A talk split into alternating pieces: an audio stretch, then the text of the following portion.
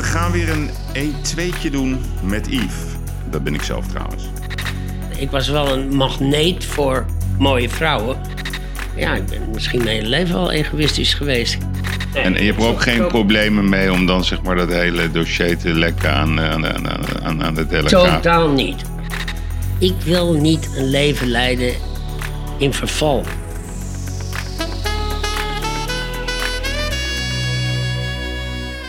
Welkom bij een nieuwe aflevering van de podcastserie Uitblinkers. En dat zijn nog steeds mannen en vrouwen die het verschil maken. Vorige week had ik als gast Jeroen van Koningsbrugge.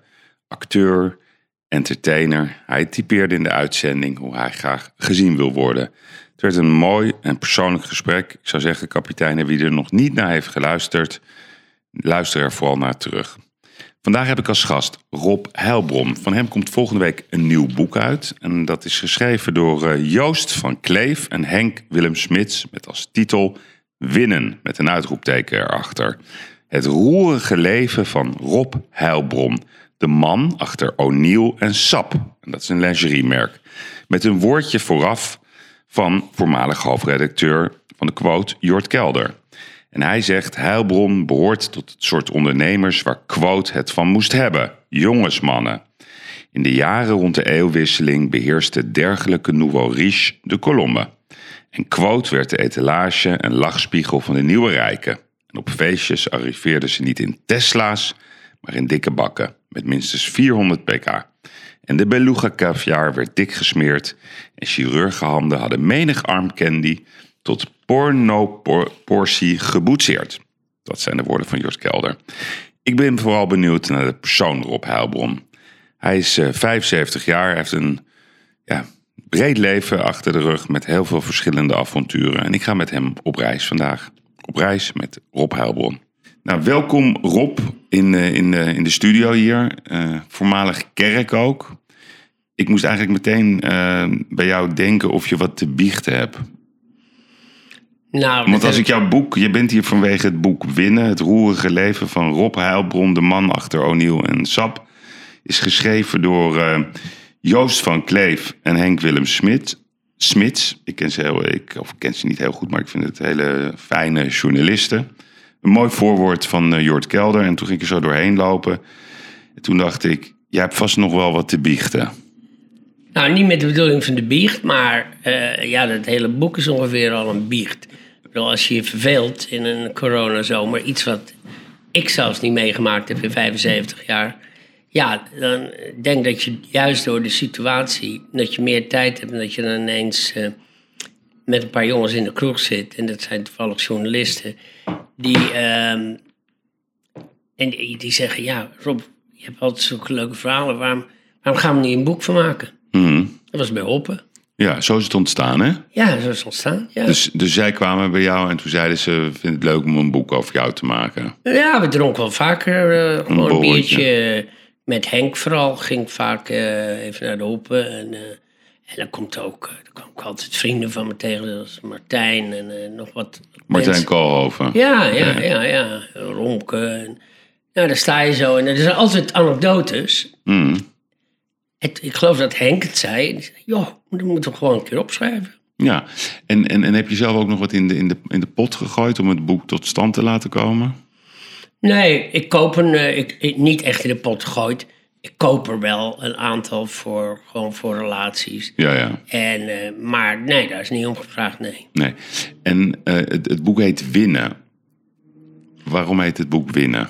Ik heb het zelf eigenlijk niet bedacht. Dat is mm. een van de weinige dingen die ik niet bedacht. De meeste dingen die weet ik altijd wel. Maar ik heb steeds lopen twijfelen over die titel.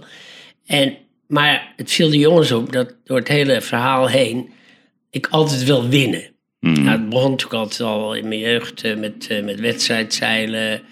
Uh, met tijd in Israël. Ehm, ja, mijn hele leven door. En ik betrap mezelf er zelfs op... als ik voor een stoplicht sta... dat ik altijd als eerste weg wil. Dus denk dat dat, uh, dat een karaktertrek van me is. En, en, en zij hebben die titel bedacht. Ja, ja oké. Okay.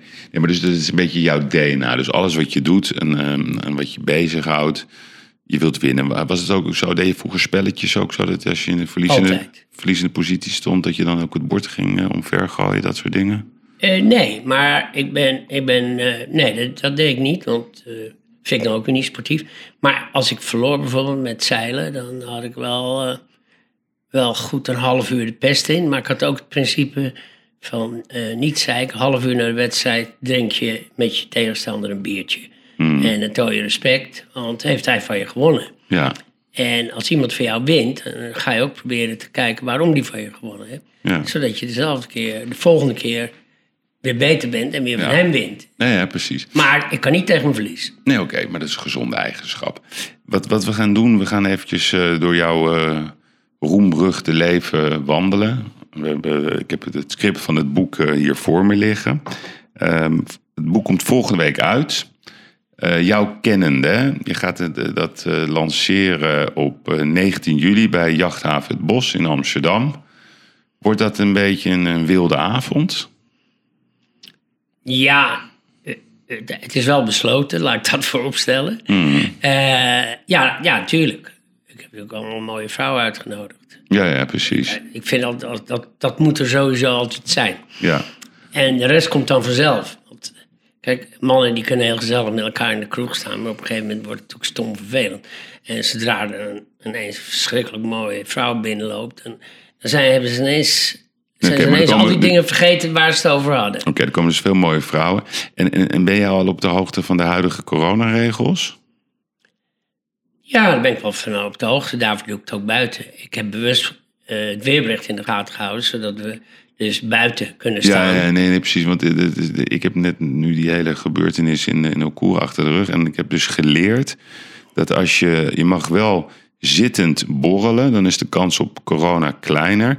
Want als je staand borrelt aan een tafel, dan heb je een grotere kans op corona. Dat wist ik niet, maar dat heb ik geleerd. Dus dat, ik geef het even mee als advies. Dus je mag niet Ja. staand borrelen, volgens de Nee, nieuwe maar, buiten ja, kan, je, kan je net zoveel staan als je wil. Want ik wil buiten gebeurt er niks. En, Nee, eh, dat, nee, nee, maar dat zijn niet de regels. Dus, nee, ik weet het. maar die, dat, daar, daar trek je denk ik niet zoveel van aan op maandag. Eh, nee, nee, nee, want ik, ik, ik zit altijd in de jachthaven en er zijn altijd mensen en er zijn zeilers en er zijn andere bootjesvaarders en eh, we staan altijd een biertje met elkaar te drinken. Dus dat, Ja, eh, nee, maar ik bedoel, ik bedoel, ik bedoel het meer. Dat, ze hebben re- regels bedacht, daar moeten we ons officieel aan houden. Maar als ik zo'n Oké. beetje naar je luister, eh, dan denk ik dat je gewoon lekker je eigen weg gaat trekken. En, ja, ik ga in ieder geval niet binnen zitten. Dat, dat heb ik wel besloten. nee, dat is duidelijk. Ja. Even terug naar je, naar je, naar je jeugd. Eh, daar begint toch heel veel. Jij, jij bent uit 1946, Robert Emanuel Heilbron. eh, Joodse vader, Maup, niet-Joodse moeder. Ehm, kan je me even terugnemen naar de tijd dat je ja, 10, 12 jaar was na de oorlog? Wat was dat voor een tijd? Eh woon je ook in Amsterdam of eh, Nee, ik woon in Beverwijk. in Beverwijk? Mijn vader die, die, die was ondergedoken in Beverwijk. En eh, bij, bij wat toen nog niet mijn opa en oma waren, want ik was er niet geboren. Maar dat was mijn oma, oma Kemp, treintje Kemp aan. Die, eh, waar straat naar genoemd is in Beverwijk, die heeft via het verzet, liet ze joden onderduiken. En daar kwam dus mijn vader en zijn zus Rosa, die kwamen bij haar. En die zijn daar ondergedoken. En eh, nou, dat is allemaal goed gegaan. Alleen tante Rosa, die, ging- die liep een keer op straat en die hoorde eh NSB'er en een paar Duitsers zeggen van... we gaan die, die, die Jood ophalen, die Maup. En, Jouw vader? ja. En zij rende naar huis om, mijn vader te waarschuwen. En die ging gelijk eens eh, tussen die plafond, dus een speciaal plekje. Ik heb het later nog wel eens gezien. Ik heb er wel eens, ben er wel eens ingekropen en zo. En vervolgens rent zij de tuin in naar... eh zij had een plek in, in, in de schuur. Mijn opa was eh, sigarenmaker. En er was dat zo'n plekje daar. En, en ze loopt zo in de armen van die NSB'ers en die, en die Duitsers. En we hebben hem nooit meer teruggezien. En nou ja, mijn vader werd verliefd op de dochter van oma Kemp, Treintje Kemp aan. En, eh, en dat is mijn moeder geworden. Hmm. Zo, zo is het eigenlijk gegaan. En ik heb een hele leuke jeugd gehad in Beverwijk. Ik was echt een straatjongen. Ik was altijd, altijd buiten. Ja, Of ik was het fietsen, of het zwemmen, of het hardlopen, of eh, ja, narigheid en trappen met allemaal jongens uit de buurt. En ik ging eigenlijk alleen met boeren om. Er woonde één Joodse familie bij ons eh, op de hoek van de straat. Die het overleefd had. Familie Suzan. Ja, volgens mij, ja, ik weet niet eigenlijk wat. eh, eh, Volgens mij zijn die altijd ondergedoken geweest. Want jouw vader, hè, Rob, die, die, die heeft dus de hele oorlogsperiode ondergedoken gezeten... daar tussen die, die latten eigenlijk op zolder. Eh, tussen, tussen het plafond van de woonkamer en de vloer van de slaapkamer.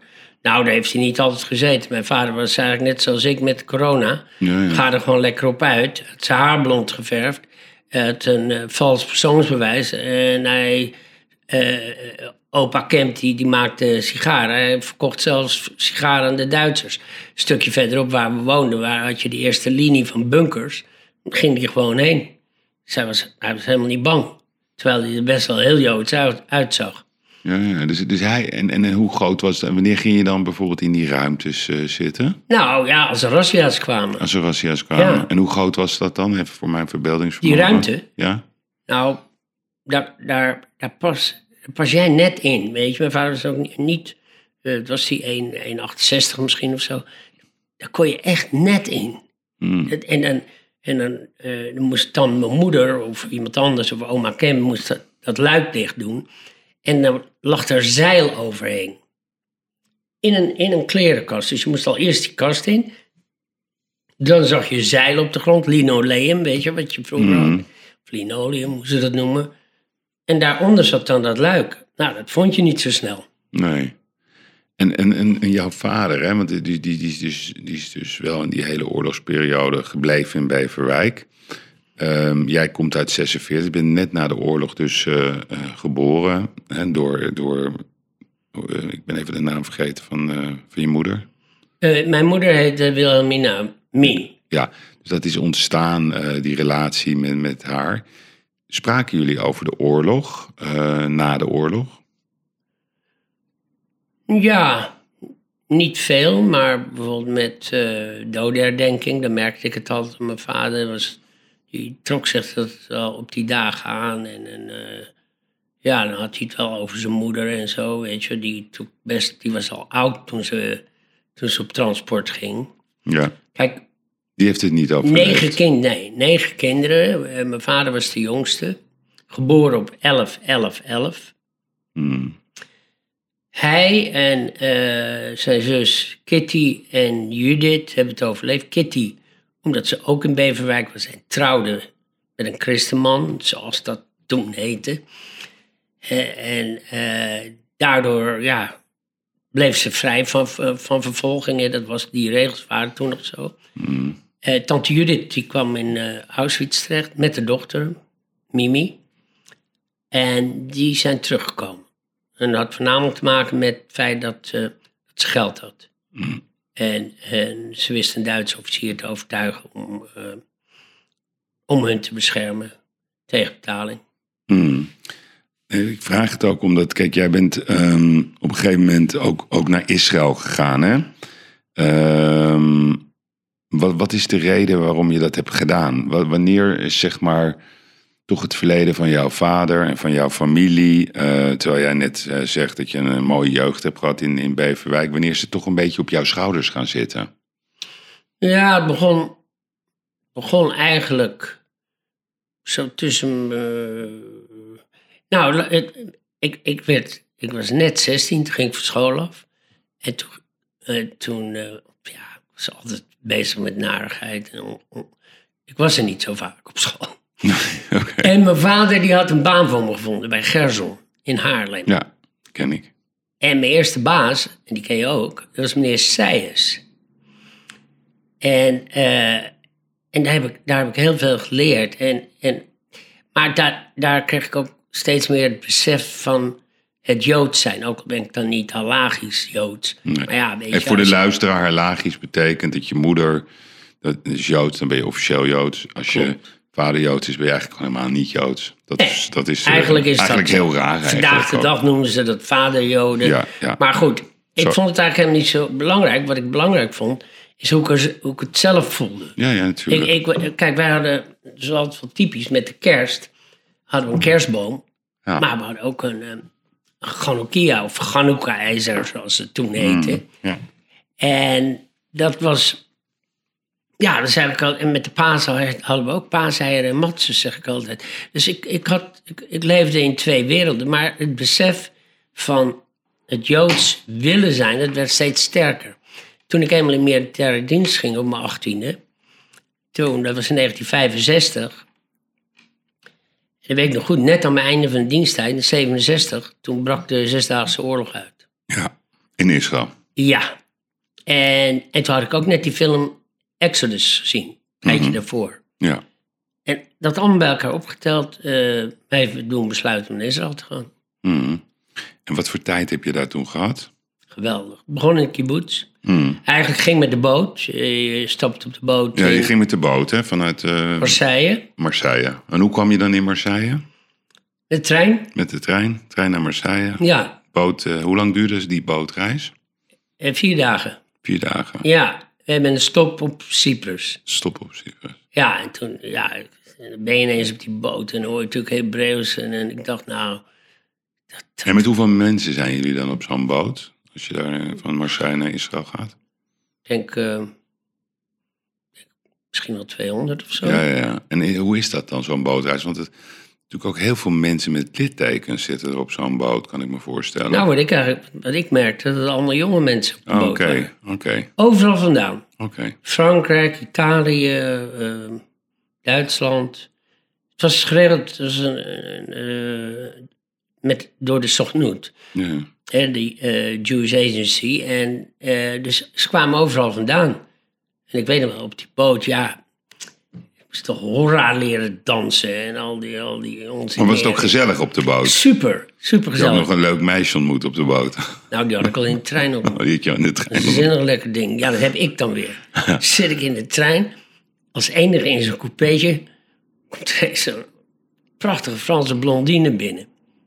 Nou ja, ik dacht, heb ik eindelijk even rust, maar het liep toch even anders af. Dus het- mijn eerste liefde die ontstond al in de trein. Op weg naar Marseille. Ging ze ook mee op de boot? eh, Nee, nee, niet? we zijn nog een paar dagen, want eh, ik was twee dagen ben ik in Marseille geweest. Mhm. Toen hebben we, hebben we nog allemaal leuke dingen gedaan. En toen op de boot en veel tranen en, eh, en op naar het volgende avontuur. En toen ben je vier dagen op de boot. En Kom je dan in Haifa? Waar kom je aan in Israël? Je komt uiteindelijk in Haifa aan. Ja. En, en toen was het precies als in, in de film Exodus. Stonden van die, van, die, van die militaire voertuigen met die huiven, weet je wel. En er stonden mensen met bordjes en er stond mijn naam op. Robert Heilbron. En of ik maar even in die truck wou instappen. Op weg naar de kibbutz. Kibbutz Matsuba. Ja, en, en hoe lang heb je daar toen gezeten? Nou, de bedoeling was eigenlijk eh, een jaar, maar ik had eh, eigenlijk heel. Ik zat net in de kibbutz en eh, ik vond het hartstikke leuk. En het deed me de- een beetje denken aan de AEC in Wijk aan Zee. De, de, de, de- dat was zeg maar de. de, de eh, al, heet het, AEC, eh, Arbeidersjeugdcentraal. Want mijn oma, dat was een echte socialist. Op 1 mei moesten wij naar de AEC. Ja, de dag En toen kwam eh, ik in die gedrochel, mm, de, de eetzaal van de kibbutz. En toen dacht ik, dat zag ik precies zo, weet je, net als hier, eh, van die balken. En, eh, precies zoals, zo- zoals de, de AEC was. En het deed me echt aan, eh, iedereen deed ook altijd dingen samen. En, ja, eigenlijk vond ik het heel leuk. Ja, ik moest werken. Ik ging altijd naar het Pardes sinaasappelen plukken. naar de wat? Naar Pardes? Pardes, de, de, de, de sin- sinaasappelboomgaarden. Oké, ja. Ja, dat heet Pardes. En ja, nou dat kon ik. En het was altijd zo, als je een bak vol had, en het was een hele grote bak, dan mocht je, was je vrij. Mm, Dus ik werkte me helemaal suf, want het was een heel leuk strand in de buurt. ja. Agressief. Dus je moest alleen die bak met sinaasappel, hoe lang duurde dat dan? Nou, dat was toch wel, eh, kijk, als je s morgens begon, is toch snel tot een uur of twaalf, één was je bezig. Dus, eh, maar hoe laat begon, begon je dan? Zes uur, zeven uur? Eh, ja, eh, nou kijk, het was in de fase, we begonnen heel vroeg. Iets van zes uur. Twee uur werken. Dan, eh, eh, dan eten, want je, je had een heel klein ontbijtje als je ging werken. En dan weer eten. Dan een uur ulpan. Dus dat is les. Ja, eh Hebreeuwse les. En dan weer eh, zolang als het duurde om die, om die bak vol te krijgen. En dan mocht je daarna naar het En strand. dan ging ik als een dolle naar het strand. Ja, nee, dus dat was, dat was natuurlijk een mooi vooruitzicht. Ja. En hoe lang heb je dat volgehouden? Want op een gegeven moment, ja, dan ga je eh, naar, naar, volgens mij naar Amerika. Ja, misschien wel even leuk te vermelden hoe, hoe ik uit- die kibbutz ben gegaan. Oh, Ik was altijd op dat strand en dan kwam ik een, een lifeguard tegen. Die heette Simon Einstein. ja. Ja, je zal het maar tegenkomen. Ja, ja. Familie van. Ja. En, eh, Ja, was hij ook familie van? ja, dat is Ja, familie van. Ja. Mooi, mooi. En dus, die, die was lifeguard en daar zat ik altijd mee te praten. En eh, ze hadden al dezelfde hobby, altijd met leuke meisjes op het strand. En op een gegeven moment zijn er een stuk of tien Arabische meisjes zijn in zee. Ja, Maar het was Degladon, rode vlag. En, eh, en die meiden, die hadden we al een paar keer gewaarschuwd. Of hij dan, want ik werkte daar nog helemaal niet. En toen... Maar die gingen de zee in, die hielden dan aan zo'n touw vast, wat dan een ankertje zat. En op een gegeven moment raakten ze los. En, en die meiden met allemaal van die lange jurken aan, ja, dat zwemt niet echt lekker. Dus die kwamen in een probleem. En ik zag dat Simon het niet redde in zijn eentje. Toen ben ik erin gedoken. Toen heb ik geholpen, hebben al die Arabische meiden eh, uit het water weten te krijgen. Er is er niet één verdronken. Maar ik schijn een aantal keren godverdomme geroepen te hebben of zo, weet je. Ja, dat doe je toch als je bezig bent. Ik was wel wat gewend, want ik was in Wijkerzee lid van de, van de Wijkerzee Reddingbrigade. Maar iemand op het strand had me een paar keer godverdomme horen roepen. En die man die kwam me toe. En die zei, volgens mij bent u Nederlander. Ik zei, ja, dat klopt. Hij zegt, nou, ik ben Jonathan de en eh, Rob Heilbron. Hij zegt, wat moedig van u. Ja, ik zei, ja, dat doe je toch gewoon. En eh, nou ja, tijdje staan kletsen. En toen zei hij van, joh, als je ooit wat nodig hebt van me, heb je mijn kaartje.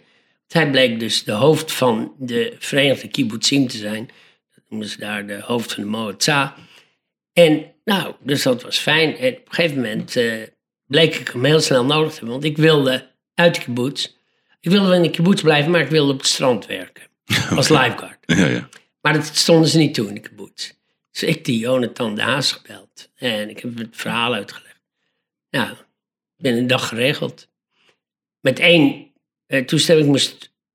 Ik mocht wel in een moshav slapen, waar In de- Simon ook maar even uitleggen, wat is dat, een moshav? Moshav is eigenlijk een soort kibbutz. Ja, Maar dan... ehm, je, je, je werkt daar meer voor jezelf. Dus de business die je doet, daar sta je een deel af aan de gemeenschap. ja, ja. En de rest is voor jou. En je hebt niet dezelfde verplichting als kibbutz. Dus in een kibbutz krijg je geen geld, werk je, maar je krijgt behuizing. En, en nou ja.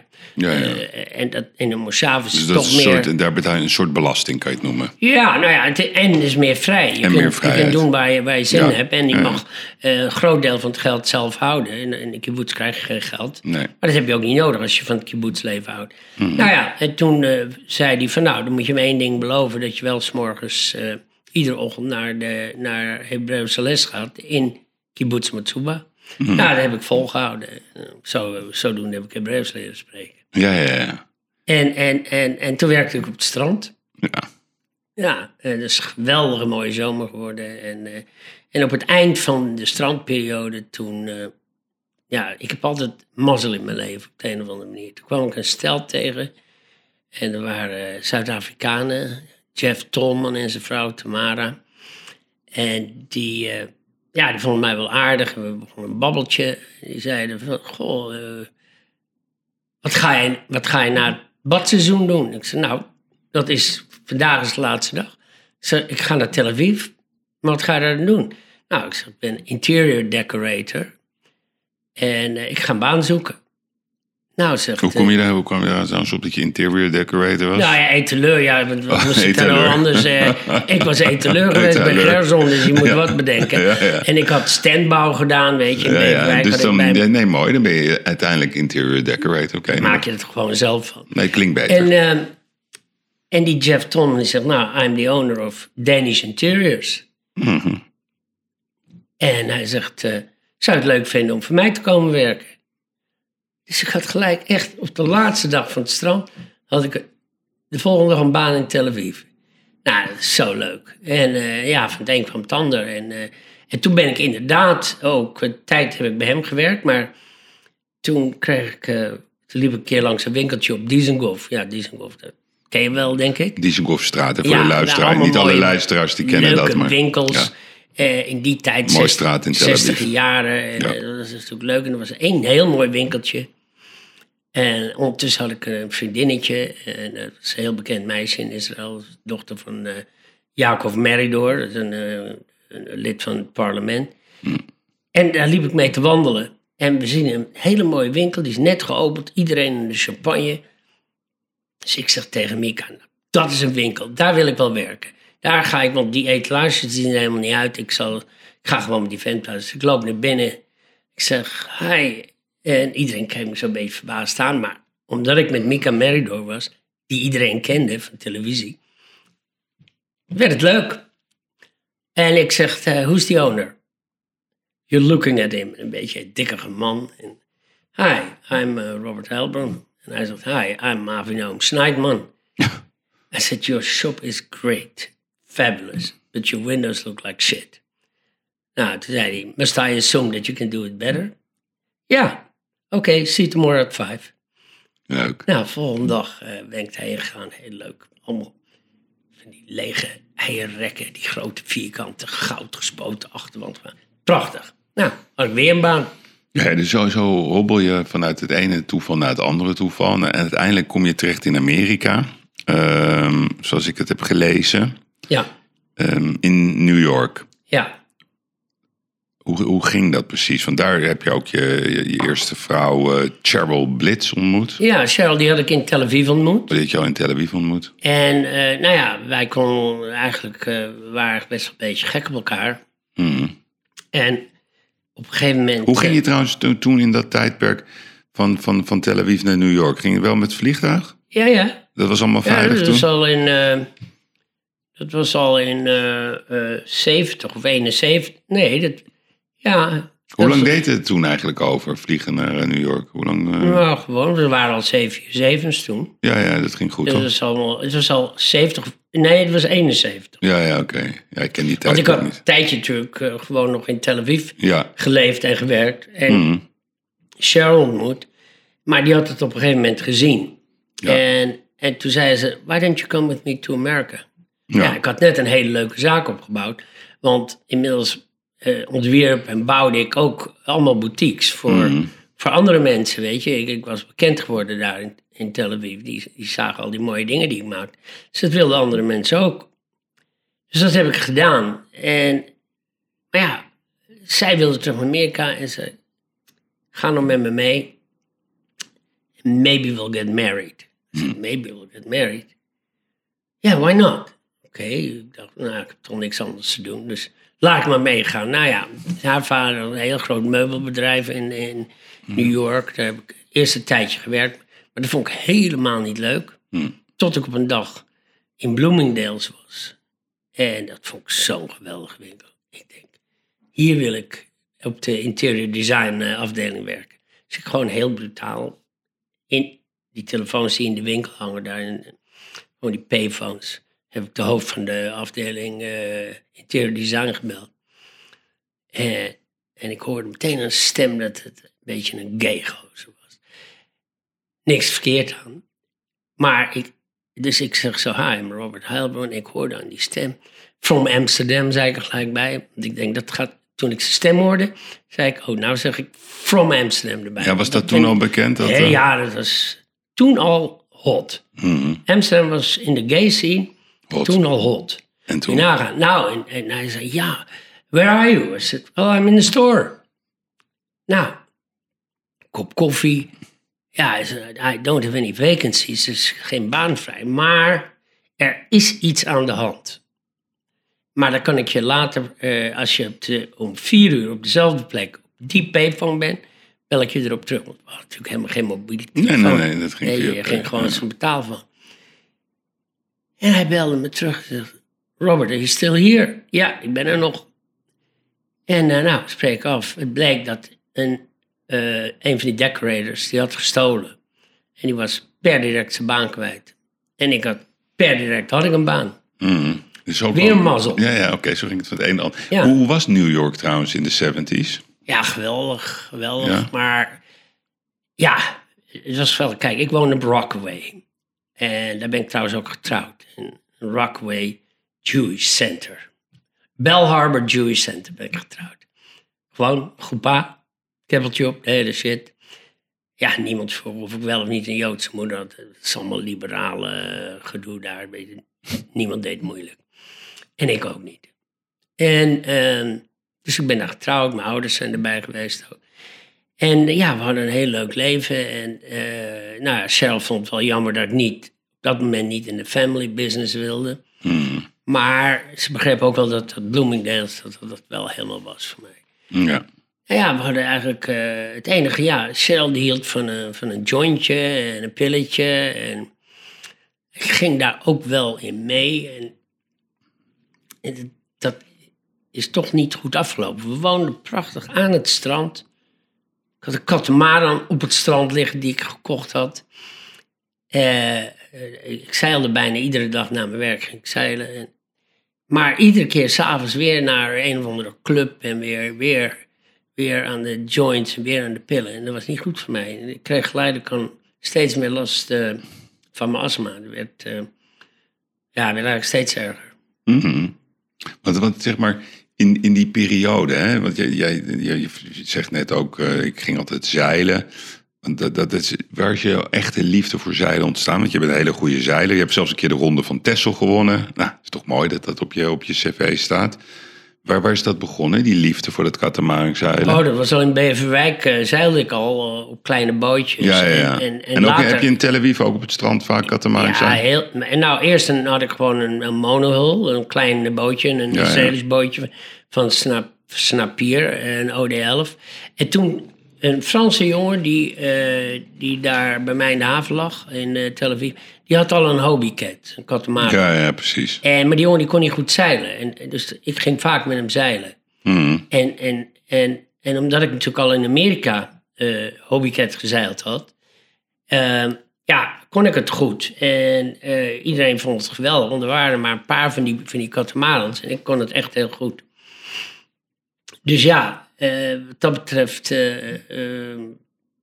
ja, zeilen, dat is gewoon een, eh, tweede natuur voor mij. Een tweede natuur. Maar dat is wel een belangrijke rol in je leven. hè? Want ik vraag dat, eh, dat op een bepaald moment ehm, kom je in contact eh, door dat zeilen. Volgens mij met, met Theo Dietz. Nee, met Jack O'Neill. Oh, met Jack O'Neill. Ik, ik moest in 1976 zeilde ik de wereldkampioenschap eh, Hobbycat 16 op Hawaii. Oh, leuk. En daar... Dat is wel ruig daar. Ja, qua water. Diamond Head, ja, dat is heftig. Ja. Ja, die wind is, is heel hard daar. Ik Ja. ben er ook, moet eerlijk zeggen, niet goed geëindigd. Ondanks dat ik al eh, het jaar daarvoor in, in Nederland, of datzelfde jaar in Nederland, tweede was bij de Europese kampioenschap.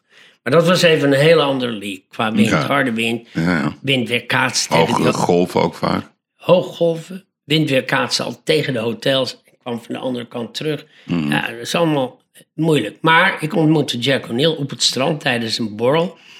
In de Outrigger Canoe Club. Een hele prestigieuze club op Diamond Head. En ja, we raakten aan de praat. En eh, nou ja, ik, ik had al een O'Neill wetsuit toen ik nog in Amerika woonde. En ik kende hem eh, qua verhaal. En daar ontmoette ik hem. Nou ja, eh, ik had inmiddels in Nederland gezien dat Ten Kate bezig was met dat windsurfen, weet je, dat, die windsurfer. Dus ik dacht, en iedereen... Ten Kate, wie bedoel je? Welke Ten, ten- Kate uit eh Enschede allemaal. Ja, dat bedrijf ook met die, die gas. die eh, windsurfers, ja, ja, die ook in de gasbusiness Ja. zitten. En toen zag ik dat al die mensen die op die surfplank stonden, van die aftanse wetsuit aan hadden, van die duikpakken. Ja. En ik denk, nou, dat moet toch echt beter kunnen. En, en wij bij de Catamarans hadden al goede pakken. Maar dat kwam door toch een beetje, was een cultuurverschil nog op dat moment. En ik dacht, als ik die pakken nou kan importeren, dan eh, is dat een gat in de markt. Dus ik vroeg het aan Jack. Eh, weet je, Maar die- importeren toen, was dat in, toen in Amerika of in Nederland? nee, toen woonde ik alweer in Nederland. Oh, toen was je weer ik, terug ik, in Nederland. Ik ben in 75 teruggegaan eh, naar Nederland. Want wanneer heb je afscheid, eh, heb je je vrouw toen meegenomen of heb je die Nee, achtergelaten? nee, ik ben, eh, ik ben weggegaan. En, Die, heb je, die is in Amerika gebleven? ja, het was best Was wel gedoe. gedoe. Maar Ja. we zijn overigens nog steeds goede vrienden. Oké, Dus. maar dat kan, maar- dat kan, dat kan. Eh, ik ben toen, eh, toen woonde ik alweer in Nederland. En toen was ik in Nederland wedstrijden gezeild. Ja, en toen kwam- het, ja, precies. En toen zo kwam ik de. WK. Ja, precies. En Jack, nou ja, die, ik viel natuurlijk gelijk met de deur in huis. Maar ja, Jack was een beetje het California-style.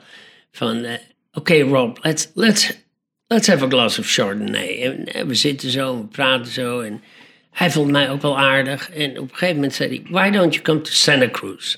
Dus Santa Cruz, nou ja. Ja, dat is dus in Noord-Californië. Ja. Daar, daar, daar woonde hij. Niet zo ver van San Francisco af. En daar hadden ze ook de, de, de, de shops en de fabriek was daar. Mm. Ik ben daarheen gegaan. Heel goed gesprek gehad. En eigenlijk hem al informeel die, die, die- dat dealerschap voor Europa ontfutseld. Mm. Daar ben ik nog een keer voor teruggegaan later. En toen had ik het definitief voor elkaar. En toen ging ik die wetsuits verkopen. En dat was nee. Dat was het. Ik ben formeel ben ik begonnen in eind 77. Toen werd ik, was ik net Europees kampioen katamaranzeiler geworden. Mm. En daar had ik heel veel publiciteit door in de, in, in, in de Telegraaf. En, dat, dat is wel grappig. Ik weet niet, Paul Knoop ken je waarschijnlijk wel. eh, eh, broer van Hans. Ja, ja. Die was journalist van de Vaarkrant. Ja. En Paul vond het eigenlijk best wel spannend dat een beetje half-Joodse jongen eh, een hele goede zeiler was, kampioen was. En ze zeiden, ja, weet je, ik bedoel... Ja, nu heeft Israël heel veel sporters, maar vroeger had Israël niet zoveel sporters. Ja, leuke voetballers. En, Nee, je moest met de loep zoeken. maar met die Maccabia en alles, weet je, dus de Joodse Olympische Spelen. Ja, wat kwam je er nou aan sporters tegen? Maar hij vond het geweldig dat er een zeiler was van Joodse afkomst. En ik stond continu in de Telegraaf. Dus ik was eigenlijk al heel bekend voordat ik überhaupt aan O'Neill begon. Ja. En toen ik met O'Neill begon, werd O'Neill door mij bekend. Ja, ja, nee, precies. Maar jij begon dus met ook die. Ja, ja, maar was jij ook de officiële importeur van. Ja. eh, van dus jij bent eigenlijk dat merk in Europa ja, ik ben, begonnen. eh, ik ben in eh 78 ben Ja. ik officieel begonnen. ja, ja, precies. En toen, eh, ja, waar O'Neill eigenlijk dan later het meest van bekend werd, is dat ik zelf van die reclame-t-shirtjes ging maken. Mhm. Waarvan ik er. Nee, nee, maar, oké, maar ik wil even een sprongetje maken. Dus, dus jij bent bezig. ehm, eh, die, die oprichter, die, die vindt jou een fijne kerel. Eh, je hebt ook een beetje dezelfde passie, hè? het water, het zeilen. Dus daar ligt een band. En op een gegeven moment komt er een moment dat het ook echt een bedrijf wordt. Hè? Zo gaat het altijd. Je bent begint en je zorgt dat het overal eh, terechtkomt. En dan kom je in contact met Theo Dietz. Ja, dat kwam door die t-shirts. Ja. Ik, ik, ik, ik, eigenlijk als reclamestunt maakte ik die t-shirts. Mhm. Maar dan gaf ik er een stuk of 50 van weg in, aan de Bastille. Ja. Die kroeg waar ik altijd kwam. Mhm. En nou, die jongens hartstikke blij, stonden mee aan de bar. En toen belde de volgende dag, of of nee, een paar dagen later belde Karel Vrolijk. Zegt hij, Robbie, heb je nog 50 van die shirts voor me? Mhm. Ik zeg, zo, ja, iedereen wil ze hebben. Ik zeg, nou ja, eh, ik heb ze al, maar niet meer gratis. Ja. Ja. Je wordt gebeld. Toch niet Cheryl Blitzen? Nee, niet Cheryl Blitz. Eh, maar niet gratis. Nee, je zegt, het hoeft niet, joh, want eh, ik laat ze er ook gewoon voor betalen. Ja. Nou, eh, toen weer 50 en ineens wilde je de, de week erop 100 hebben. En, en dat ging maar door. En toen werd het ineens hot. En de winkels waar ik de pakken, de surfpakken aan verkocht, die hadden die t-shirts ook al overal zien. Dus die wilden ze ook hebben. En toen stond ik op een gegeven moment, had ik een stand op de Hiswa Dus de Met- bo- botenbeurs. met was in de rij, hè? Ja, eh, eh, op de rij. Met Hobie Cat en O'Neill. Hmm. En toen kwam er een jongen voorbij uit Wassenaar die ik wel kende, want die was ook lid van de zeilvereniging in Wassenaar. Daar zeilde ik toen inmiddels ook. En eh was Theo Dietz. En die, en die zei, joh, verkoop je nu ook al t-shirts en sweatshirts? Ik zei, ja. Hij zei, waar koop je die dan? Ja, ik zei, bij Ralf Kattenburg van eh, Greyhound. Oh, zegt hij, dan betaal je veel te veel. Hij zegt, mag ik even eerlijk, hoeveel betaal je voor een t-shirtje?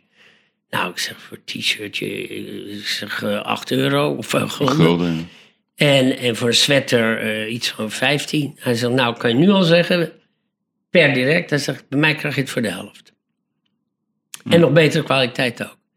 Nou, toen ging ik dat dan bij Theo kopen. Die had een groothandel in, in, in, in, in t-shirts, sweatshirts, eh, hoodies, eh, nou ja, alles. Weet je, wat toen in was. In die, nou, je had in die tijd die Salty Dog, weet je. Met al Ja, die, ja, zeker. nou, dat, dat soort hij. salty dog. Ja, dat is heel Nou, cool. zo hebben we elkaar leren kennen. En nou ja, op een gegeven moment werd het een enorm succes. Maar ja, dat ging allemaal zo hard Mm. dat ik dat ook financieel niet bij kon houden. En we waren inmiddels in 80 terechtgekomen. Toen de crisis begon, hè? 80, want iedereen loopt altijd maar over crisis te zeuren. Ja, Maar er zijn er heel wat geweest. 80 was ook een hele stevige Ja, crisis. zeker. En, en toen, ja, ik, ik, ik verkocht steeds meer. Maar ik kon iedere keer dat, dat stuk niet overbruggen om tussen je inkoop en de tijd dat je je geld van je winkeliers kreeg. Mm. En toen bood Theo me aan en zei, waarom, waarom gaan we dat niet gewoon samen doen? Hij zei, dat is een stuk makkelijker en eh, ik kan ook wat meer financieren. En, eh, had- Theo had nog een rijke schoonpa ook, eh, eh, Bob Schreiner van Schreiner Air. Dus Theo die, die kon wel, eh, ja, die had geld. En toen zijn we samengewerkt. Mm. En dat werd een succes. Ja, want het is een enorm groot bedrijf geworden, eh O'Neill. Hoe groot was het op een gegeven moment op zijn hoogtepunt? Eh, nou, ik ben er zelf in, in 1995 uitgegaan. Eh, maar toen, denk ik, zaten we toen al rond, ik zat rond de 150 miljoen gulden omzet. Ja. Maar kijk, jij zegt je bent eruit gegaan in 95. Hè? En als ik zo nu naar je luister, een mooi verhaal. De mooiste ondernemersverhalen, die beginnen altijd op basis van toeval. Ja. Bij, bij jou begon het zeg maar op het Alles strand. is toeval, ja. Ja, neem lekker een glaasje water. Het begon eigenlijk op het strand. een klik met de, met, de, met de oprichter. En op een gegeven moment sta jij op de Hiswa. eh, ja, op, op initiatief eigenlijk van dit zegt hij... Goh, ik kan, je, kan, ik kan je helpen, Rob. Ik weet niet of het helpen is, maar in ieder geval kan je betere condities aanbieden. Je gaat erin. Eh, je wordt part of the game. Ehm, en dan gaat het even niet wie of wat eh, het grote succes heeft gerealiseerd. Maar het is niet zo dat je daar echt heel erg groots bent uitgestapt financieel. Ehm, nou, ook niet, ook niet slecht. Maar de keuze die ik gemaakt heb, want ik kon, Theo kreeg er nog een partner bij, Rob de Kra. Ja, En dan kon ik. Nou, hij mocht mij niet, laat ik het zo zeggen. Nee, het is nee, niet nee. dat ik het niet met hem kon vinden, hij mocht mij niet. En dat was meteen vanaf dag één. En hij zei het ook. Ja, ja. Achteraf bleek, bleek ook waarom, maar daar ben ik pas achteraf achtergekomen. Want, wat was het? Nou, tijdens een zeilwedstrijd in Wassenaar, toen lag hij een keer op de lijn en eh, ja, lag een beetje te kloten, weet je, lag in de weg. En waarschijnlijk heel onaardig tegen hem geweest. Zei van, joh, als je niet kan zeilen, moet je lekker naar het strand gaan of zoiets, weet je. Ja, ja. Oh ja, nam je dat Eh, zo hoog op? Ja, Rob is een heel rancuneus iemand. Ja, ja, oké. En die is altijd, die heeft mij altijd een, lul gevonden. Een lul, ja. Ben ik er acht, later achter gekomen. Ah, oké. Dat wist ik toen niet. Maar goed, weet je, het deed ik wel vaker weer. Als iemand ligt te klooien op de lijn en, eh, Ja. en we gaan net vol van start. Ja, dan moet je Ja. wegwezen. Maar goed, eh, Rob is achteraf was hij best wel oké zeiler. Maar op Catamarans eh was hij nog niet zo goed. Hij kon goed regenboogzeilen. Hmm. Maar ja, hij mocht mij niet. En, en, dat, en daar was hij ook niet onduidelijk over. En ja, dat werd toch wel een heel, heel, heel, heel gedoe. En inmiddels had ik ook al een... eh, hij kwam er in 88 bij. En in, eh, in datzelfde jaar werd eh, Golda geboren. Jouw dochter? Ja, maar die werd een jaar later ernstig ziek. Mhm. Die, die kreeg een, een niertumor. En ja, een meisje van ja, net, wat was het, 14, 15 maanden. En dan heb je zeg maar, strijd binnen het bedrijf eh, met Rob, die mij niet trok. En, en in het thuisfront heb je dan ook nog strijd om, om, om te, ja, om voor te vechten dat je dochter het overleeft. Dus dat, dat, dat was een beetje veel, weet je. Dus er waren een aantal dingen, het speelde tegelijk. Zoals ik ook heel vaak dingen in mijn leven heb gehad dat ik mazzel had, Mhm. dat dingen op me afkwamen. Ja. Nou ja, zijn er ook dingen die op dat moment ook van je Ja, afdreigen. nee, maar dat kan. Maar kijk, maar wat ik meer nieuwsgierig naar ben, is het, vind je het, ehm, is het een litteken bij jou? Is het eh, een frustratie? Eh, Is het zoiets dat je denkt, nou, het maakt me niet uit. Wat, wat voor gevoel heb je? Hè, want, want O'Neill is ooit verkocht hè, voor... Ja, veel geld daarna. Ja, ja, enorme bedragen. Ik ben niet Hoeveel was het eigenlijk? Hoe- hoe- hoeveel is het toen verkocht? Ik weet niet eens meer. Nou, ik weet niet, het werd eerst voor de helft verkocht, maar al voor serieus bedrag. Maar wat was het? Ik, ik schat, eh, ik denk dat ze ergens rond de 100 miljoen Ja, precies, gekregen 100 hebben. miljoen, ja. En ehm, maar toen was ik er al uit. Ja, nee, weet ik. Dus, dus dat, is, dat, is, dat is een serieus bedrag. Dus ja, ze hebben ze, ik, ik weet niet of ze je hebben uitgerookt of wat dan ook. Maar wat, wat, wat, heeft, heeft dat bij jou een gevoel achtergelaten of niet?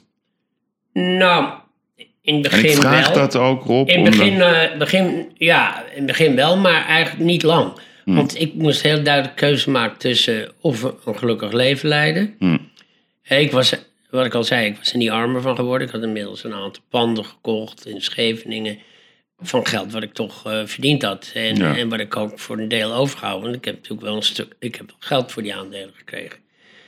En Ja, maar niet in verhouding tot zeg maar de... het staat totaal niet in nee. verhouding tot wat zij later gedaan hebben. Maar goed, natuurlijk is dat even een frustratie. Maar het is net als met wedstrijdzeilen. Als je, altijd, als je stil blijft staan bij, eh, bij de wedstrijd die je verloren hebt... Nee, nee, dan ga je ook zeker. de volgende wedstrijd niet Nee, winnen. daarom vond ik zelf, eh, toen ik aan het boek Winnen dacht, ik dacht eigenlijk, als je wil winnen moet je kunnen verliezen. Dat, dat had ik misschien nog een mooiere kop gevonden. Nou, eh, nee, nee, daar ben ik totaal Nee, niet niet eens. nee. eens?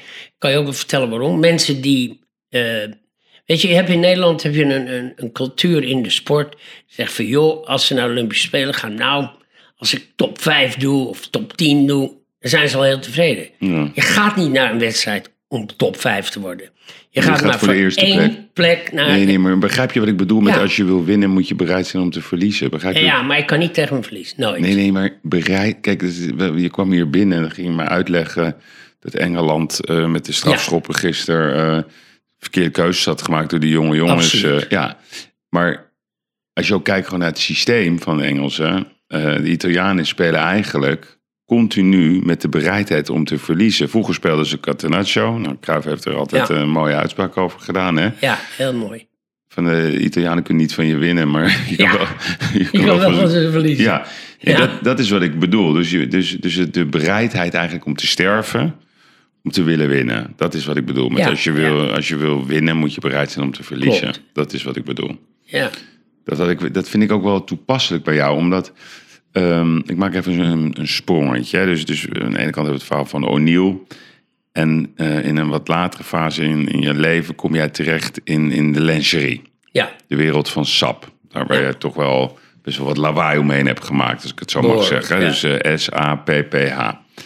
Ehm, kan je me nog even meenemen in die tijd? Eh, waarom ging jij opeens in de lingerie? Toeval. Toeval weer. Zo, alles is toeval. En het gebeurt altijd ergens aan het water of in het water. Ja, ja. Eh, Marleen, eh, eh, mijn ex-vrouw, die was met de kinderen op een strand in Italië.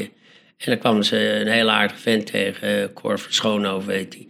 En die, die man die zat in lingerie. Ja, En nou ja, Marleen stelde zich gewoon onder eigen naam voor. eh, en, maar de kinderen, die, die, die, die, ja, die noemden zichzelf natuurlijk eh, Golden Rob Heilbron. ja. En toen zei hij, Heilbron, Heilbron, is dat niet die van O'Neill? Ja, ja, die.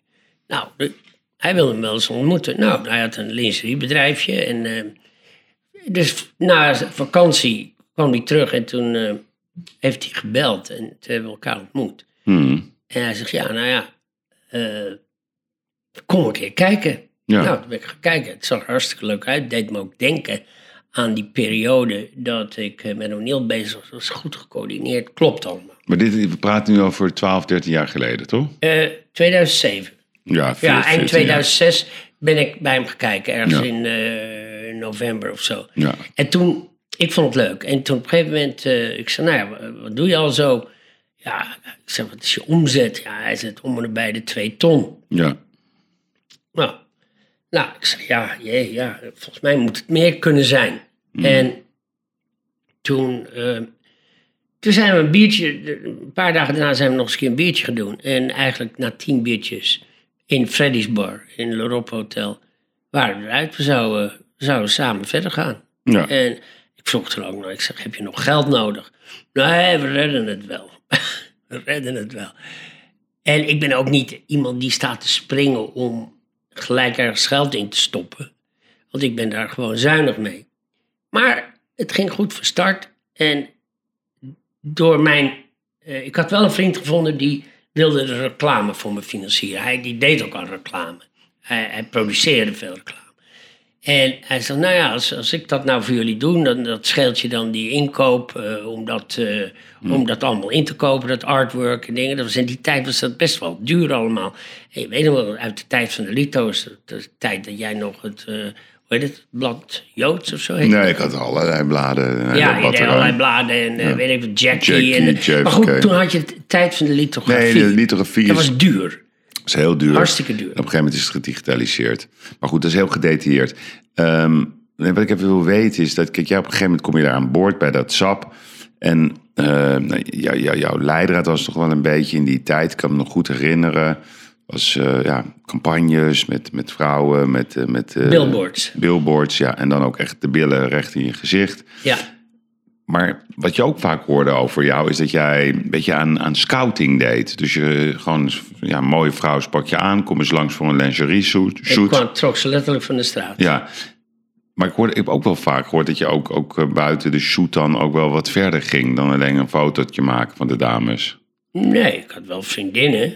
Maar Je maakte plezier met ze, laat ik het zo zeggen. En, ja, nee, niet per se met de modellen, maar ik kreeg natuurlijk wel. Eh, Niet dat niet dat, dat, dat, dat nee, nee, nee, nee, maar is, niet specifiek. Kijk, het verschil tussen eh, meiden die voor je werken en daar iets mee hebben of doen, Hmm. daar was ik niet van. Maar ik, kreeg, ik was wel een magneet voor mooie vrouwen, om, om hoe ik op de manier waarop ik reclame maakte. Dus ik hoefde echt niet meisjes die voor mij te wer- werkten als model uit te kiezen om een vriendinnetje van mij. Of zeggen van, nou, je kan bij mij model worden als. Zo zat het niet in elkaar. Zo deed, nee, was je heel, Nee, dat deed ik absoluut niet. Het is- Nee. Het is niet tijd nu ik- om te biechten, Kijk, ik zeg ben maar. een veel te leuke jongen. eh, en on- ondanks eh, mijn leeftijd, en toen was ik al 60, eh, hoefde ik me niet te schamen voor mijn uiterlijk. Ik kon alles krijgen wat ik hebben wilde. En, en, en, en, en geloof me, Yves, dat deed ik graag aan mee. Nee, oké. Maar eh, ook, niet, eh, ik wil pertinent niet dat de suggestie gewekt wordt Hmm. dat, dat toen eh, een of andere voorloper van de MeToo'tjes was of zo.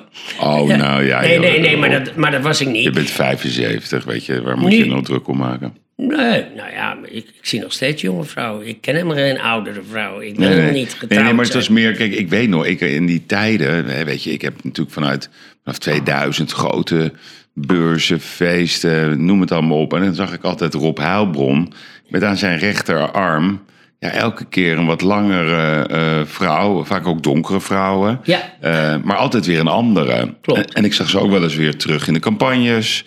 Dus ja, en dan hoorde ik ook wel eens de verhalen, ja, die Rob, eh, die, die, die, die, die nodigde ze dan uit voor een lingerie shoot. En, maar daar eindigt het niet, Yves. Nou, ik zeg niet dat ik dat erg... Ik, ik heb er eigenlijk geen mening over, maar het is meer een Nee, vraag. Nee, nee, nee, kijk. Of eh, dat het is, een, een doel was. Nogmaals, de, de, de, de, business Hmm. stond buiten de relatie. Als, als vrouwen het leuk vonden om met mij een relatie te hebben, dan was ik daar absoluut niet op tegen. Maar het was geen ruil. Hmm. Het was Eh, geen ruilhandel. Nee, absoluut niet. Nee, nee, nee. Nee, kijk, eh, kijk, vandaag de dag ligt dat natuurlijk allemaal een stuk gevoeliger, weet je. Het voor wat, het voor wat hoort wat, dat, dat is tegenwoordig, ja, nou ja, dat zegt een beetje in die MeToo-sfeer getrokken, weet je, door die Harvey Weinstein en, en, en die andere, eh, weet ik veel, die, die, die zich opgehangen heeft, hè? Epstein heet. Epstein, Weinstein, Epstein, het is allemaal Stein, hè? Dus eh, kijk, die Joodse jongens, die, die, die lusten er ook pap van. Maar ik ook, laat ik, ik ben ook geen lievertje op dat gebied. Hmm. Maar ik, eh, ik heb niet eh, dit soort streken, weet je. Ik, laat ik zo zeggen, ik ben een te leuke, te leuke jongen altijd geweest om, Ja. om, om, om allerlei trucendozen te moeten verzinnen om, om een lekker wijf te krijgen. Om Ja, maar even ja, heel bot te zeggen. Nee, je bent een liefhebber, maar jij, jij zegt dus dat, dat, dat Absoluut, je tot op de dag van vandaag. Dat is helemaal goed. En Rob, op een gegeven moment, ehm, die, die, die handel met die sap. Ik zag je vaak op campagnes. eh, je schuwde de publiciteit niet. Je had goede eh, connecties met, eh, met journalisten. Bij de Telegraaf, bij de Quote. We, we zagen je terug in, in, verschillende bladen. En toen had je het lumineuze idee dat de lingerie die ook Marlies Dekkers deed... dat je dat ongeveer vergelijkbaar ging doen. Ja, dat deed mijn partner al. Voordat ik eigenlijk met hem werkte, kopieerde hij... eh, Cor, die had al, gelazen met Marlies Ja, toen ik erbij kwam. Toen zei ik, ja joh, daar, komen we toch wel uit. Ik kende Marlies goed. ja. Eh, ik zie, oh, daar komen we toch wel uit, man. Er, moet toch over te praten zijn. Nou, Marlies is heel stug. Viel helemaal niet over te praten. Ik heb, ik heb echt persoonlijk met haar over gehad. Ik zei, ja Rob, dat valt me nou zo tegen van je... dat je met Cor bent gaan werken en dat jullie daarmee doorgaan. Zorg er nou gewoon voor dat, dat, dat, dat jullie niet meer precies dat van ons namaken. Nou, ik zeg Marlies, ik, ik ga mijn best doen, weet je. Ik, ik mocht haar best wel, dus... eh, en eh, ik haalde vaak lingerie bij haar voor vriendinnetjes. Hè? Dus ik ben wel iemand die mooie cadeautjes geeft. Hmm. Dus mijn vriendin die kreeg wel hele mooie eh Marlies Dekkers setjes. Nou, maar uiteindelijk kwam ik er niet uit met Marlies. En wij gingen gewoon door. En het werd, eh, het werd een rel. En ik weet nog goed, ik, ik kreeg op een gegeven moment een dagvaarding. Net een dag voordat ik naar Tel Aviv ging. Zo'n pil. Hmm. Ik denk, shit, wat moet ik daar nou mee? Nou, ik denk, ik ga het wel lezen in het vliegtuig, lekker business class.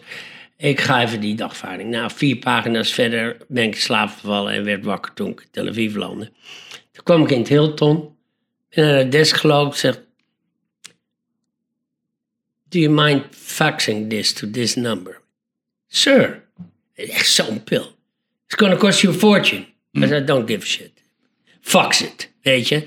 Nou, ik geloof dat ik alleen aan, aan die fax al iets van, van, van, van bijna duizend euro kwijt was. Maar goed, houd even compact. ja. Ja, maar ik bedoel maar. En toen, waar faxte ik nou naartoe? Naar de Telegraaf. Ja, ja oké. Dus je hebt het meteen aan de Telegraaf En gestuurd. toen ontstond, en toen schreef. Koolhoven. De volgende dag stond heel groot, voorpagina, lingerieoorlog. Ja. Nee, maar dat begrijp ik. Zo ging het ook met de publiciteit. Maar ik, ik probeer alleen even eh, te begrijpen dat eh, je, je, ontwijkt de conflicten niet. Ehm, je gaat ook wel zo ver dan op een gegeven moment. Want laten we eerlijk zijn, eh, de ontwerpen van Marlies, dat is gewoon een patentrecht. Ik heb wel eens met haar daarover gesproken. Ja, dat zijn haar ontwerpen. En het werd toch wel vrij identiek nagemaakt. En het is vrij logisch dat zij daar tegen in het verzet is gekomen. Hè? Dat zegt daar, Had ik ook gedaan haar Ja, nee, daarom. Ja. Maar vind je dat dan een, een nette methode om, om, om zeg maar het hele kort geding, eh, juridische dreiging, om dat dan naar de Telegraaf eh, te sturen? Waarom doe je dat? Eh, dit heb ik gedaan voor publiciteit. Ja, ja. ja. Omdat ik wist dat, dat, dat ze wei- weinig poot om, op- om, om op te staan eh, in die zaak. Uiteindelijk hebben we die zaak wel verloren Ja. Hmm. op één BH. Op één BH. Hè? ja dus, oké. eh, maar ja, daar hadden we er wel toevallig 400.000 stuks van op voorraad liggen. Ja. En nog het nodige bij de VND. Dus dat heeft ons echt wel geraakt op dat moment. Hmm. Maar, vergis je niet, die, die kwestie met Marlies, die, die, die was al bezig voordat ik erbij kwam. Nee, nee, begrijp. Maar, maar het is meer... ehm, het ik een- had er geen probleem mee op Nee, een nee. gegeven moment. Nee, dat om het merk te doen. ik. Nee. Nee, en, en en je hebt ik ook het geen op. problemen mee om dan zeg maar dat hele dossier te lekken aan, eh, aan, de- aan, aan, de Telegraaf. Totaal niet. Nee. Met open vizier. Ja, ik zei oké. altijd, laat het Nederlandse volk maar beoordelen. Nee, Ja, ik heb oké, het daar gaat het volk natuurlijk niet Ik heb over. het niet stiekem gedaan, ik heb het Nee, nee, gewoon... nee. Oké, je hebt transparant gaan. En op een gegeven moment dat bedrijf, dat SAP, dat wordt wat groter. eh, en uiteindelijk verkopen jullie het eh, aan, aan Roland Kaan. Ja, Eh, waarom heb je dat gedaan? Was dat een vrijwillige verkoop of moest dat? nou kijk, allereerst zaten we natuurlijk midden in de crisis. Hè. We zijn in 2007 Ja, het, begonnen. het leven is een Nee, grote nee. crisis. hè? Ja, maar goed, we zijn in 2007 begonnen. In die periode eh, had jij het ook niet makkelijk met de beurs. Nee, dat weet het je zelf gaat- wel. het gaat niet om- Kijk, het- het- je- we hadden, een crisis, we hadden sowieso geldtekort. En ik was al jaren met Roland in gesprek. Roland Ja. en ik dronken altijd koffie in, eh, op het Gelderlandplein Ja, bij, eh, bij de wereld. Weet je, dat ding op de, Op de hoek, hoek, wat, ja, wat ja. nu George is. Dus wij zaten sowieso altijd met elkaar koffie te drinken. Of hij kwam alleen, of hij kwam met Savannah. En hij zei altijd, Rob, wat jij doet is geweldig. Hij zei, als je ooit, als je ooit iets samen wil doen, laat het me weten. Nou, op een gegeven moment werden dingen nijpend. Hè. We kwamen moeilijk aan geld. Hmm. Eh, en we waren absoluut niet de enige in die tijd. Hè, dat was al eh, was 2010, nee 2011. Kwam moeilijk aan geld. Nee, in 2011 was echt een moeilijke periode. Ja, nou, kwam moeilijk toen, aan stond, geld. het- toen stond het echt in de fik. Ja.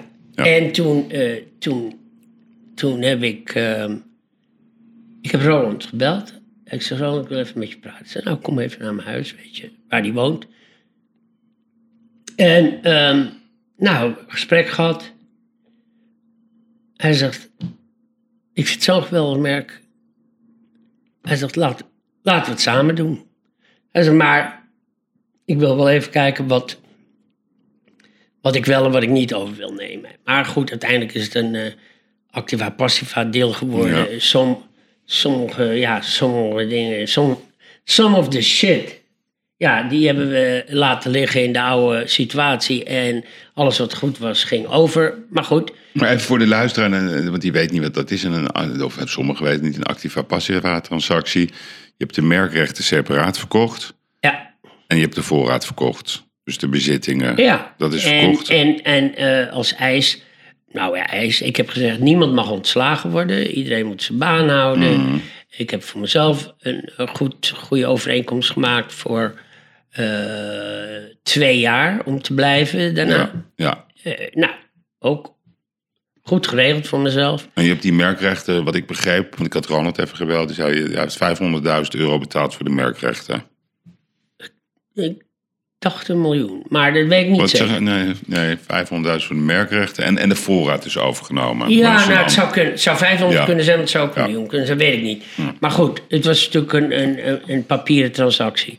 Nou, dat is allemaal netjes verlopen. Eh, ik, eh, ik ben daar, eh, ik heb eigenlijk best wel met plezier met Roland gewerkt. Ik ben natuurlijk niet echt gewend in, in zo'n structuur te werken, maar dat ging eigenlijk best wel goed. Maar we kwamen wel in een downtrend. Maar het was natuurlijk al een beetje aan de gang. We hadden op dat moment, toen Roland het overnam, hadden we ongeveer 20 miljoen omzet. En, ehm, maar er zat natuurlijk wel het nodige aan te komen, weet je. De, maar goed, Roland die kon dat prima opvangen, financieel ook. Eh Cor, mijn partner, ja, dat is, dat is een beetje een saillant de- detail. Tijdens de onderhandelingen kreeg Cor een, eh, een, her- een eh, hartaanval. Weet je. Gewoon tijdens de onderhandelingen. Tijdens de onderhandeling. het ja. ziekenhuis gelegen. Ja. Dus het was, was, maakte het ook niet bepaald makkelijker. Maar uiteindelijk zijn we eruit gekomen. We hebben nachten op de Zuidas met de advocaten gezeten. En het is een deal geworden. En ik ben eh, Roland daar meer dan eh, dankbaar voor. Weet Ja. we hebben ook wel eens een keer, zijn we wel eens niet aardig tegen elkaar geweest. Nee, maar ik vind Dat het... kan, dat kan gebeuren. Maar kijk, in ieder geval, even voor wie het niet weet, ik weet nog goed, eh, je- had ook een, op de katamaran, op de zeilen hingen dan een eh, eh, Inge de Bruin, Let's Ja. Get Wet. ja, Ik, ik kan me nog herinneren dat Remy Bonjavski in de campagne stond. klopt. En jij maakte veel lawaai en, en je wandelt eigenlijk, en daarom, daarom vraag ik het je ook, hè, je wandelt eigenlijk door het leven eh, ja, sinds Tel Aviv op een hele vrolijke, spontane manier. Je komt mensen tegen. Eh, de leidraad lijkt wel, ik kom iemand tegen in de kroeg of in het café of op het strand hey, en we gaan dingen doen met elkaar.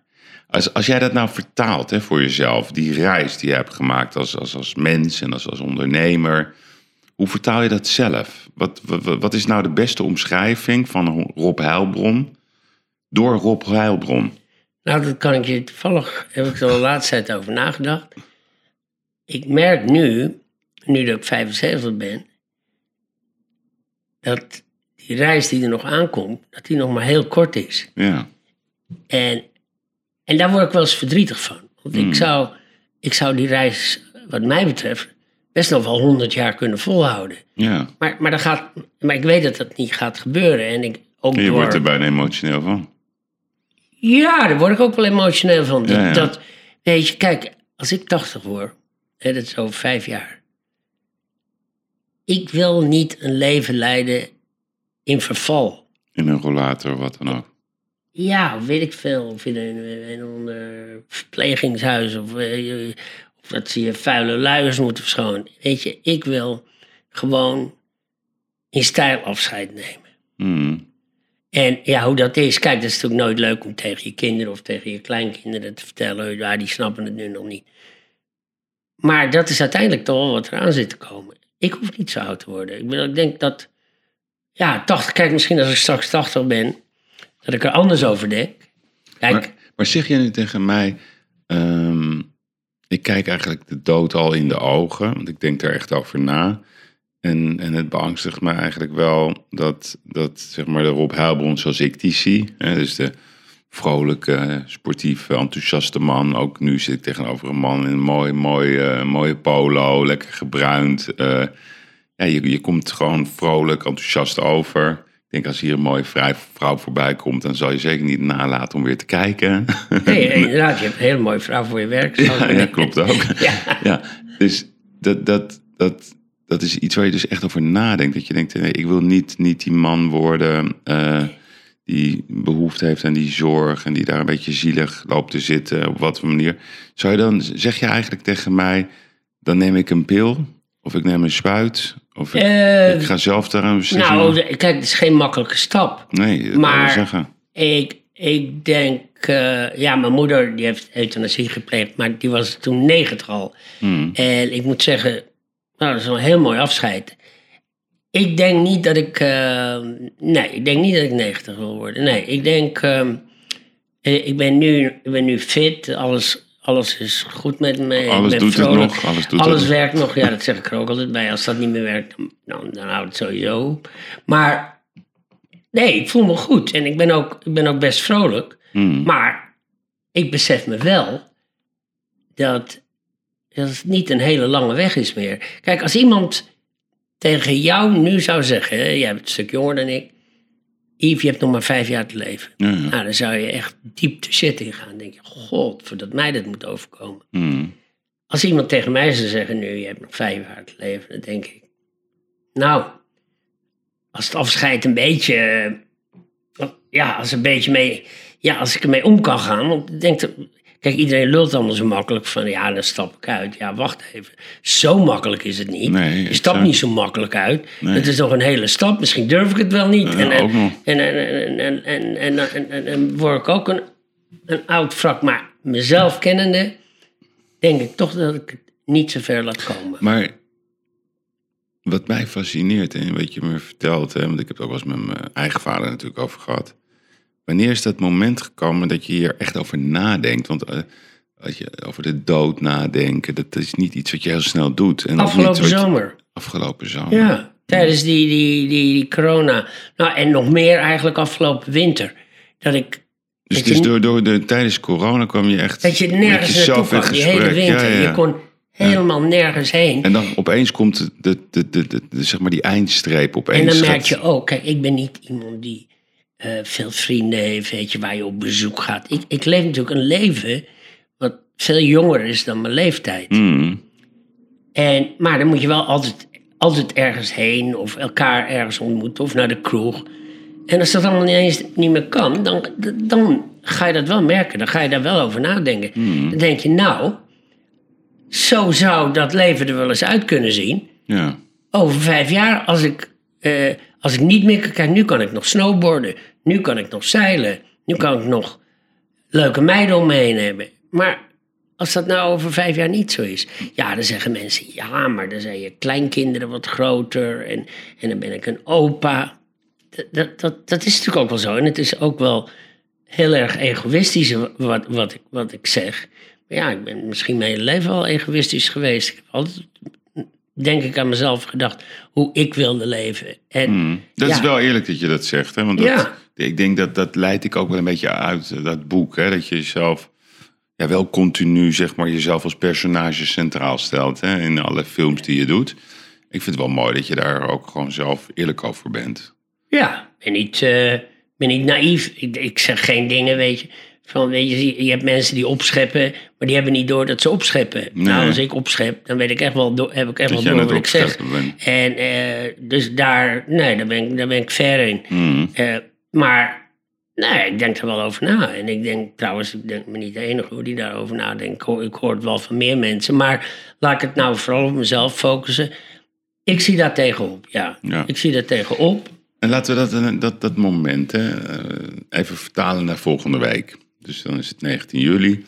Dan wordt jouw boek uitgereikt. Dan eh, is Joost er. Dan is eh, Henk Willem er. Eh, er zijn wat mensen in het boek die, die je dankt. Neem eens even mee naar je speech van volgende week. Nou, Ik ga ervan dat, uit dat, dat, is je een wel leuk, dat is wel leuk dat je dat vraagt. Want ik heb nog nooit een speech voorbereid. Hmm. Nog nooit. Dat hoeft toch Nog, ook nog niet? niet voor de dood van mijn moeder Nee, nee. of van mijn vader. Ik ben er altijd gaan staan. En op het moment dat ik er sta, Dan ga je iets vertellen. dan komt het. Ja. Dan komt het uit mijn hart.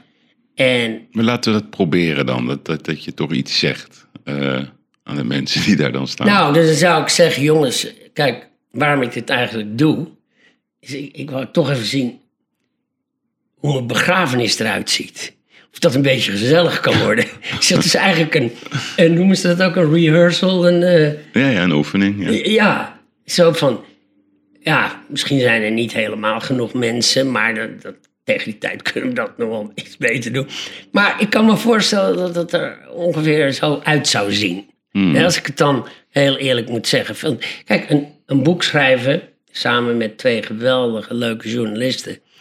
Ja, dus die jongens hebben echt humor hoor. Joost en Henk, dat zijn ja. leuke gasten.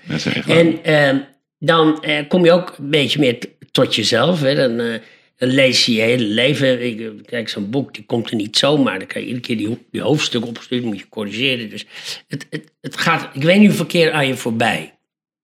Dus het is, eh, ik wil niet zeggen dat je er daardoor echt happier van wordt. Hoor. Dat, dat ook niet, weet je. Je Nee, moet nee, je nee. leven niet te vaak voorbij zien komen. Maar goed, ik zou zeggen van ja, dit, ja, dit zou, ja, ik denk niet dat ik het zeg, maar het zou zomaar zijn dat ik het wel zeg. Van ja, jongens, kijk, als ik nou ooit eens een keer dood ga, nou, dus, eh, maak er ieder, laten we er zo'n feestje van maken. Veel Ja. boten, veel bier, veel billen en, en een hele hoop bitterballen, weet je. Dus dat is wel zo door mijn hoofd gegaan ongeveer. Ja, Ja, ja. zo, zo mag het voor mij zijn. Kijk, ik ben op heel wat begrafenissen geweest van mijn familie en dan krijg je, godverdomme, zo'n kop koffie met een plakje cake. Hmm. Nou, dat, Ja, dat wordt als je niet. nog niet dood was, Nee, dan ging je het daar ter plekke. Maar is dat wel dan het leven van Rob Harbon? Bier, billen en bitterballen?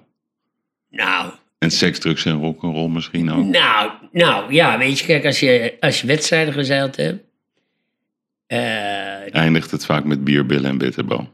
Dat is echt zo, ja. Ja. Dat is, dit, dit is echt zo. Weet je, je hebt, je hebt je aantal dagen helemaal gek gezeild en dan sta je uiteindelijk aan de kant en is de prijsuitreiking. En dan heb je gewonnen, of Dan je bent tweede. dan of denk je maar aan drie dingen. en, dan, en dan is dat gewoon, zo simpel is dat. Ja, nou Echt zo simpel is dat dat. is mooi. en dat is, of je nou voetbalt, Ja. hè, of je nou wat voor sport je ook doet, dat is echt kleedkamerpraat. Heel mooi. en dan, eh, en ik kan en, en een spaartje, kijk, ik, ik ben ook wel eens op de, op de Brazen, maar een Nederlands kampioenschap gezeild. Toen kregen we een, een captain's dinner. Nou ja, ook bier en dan van die kapucijners.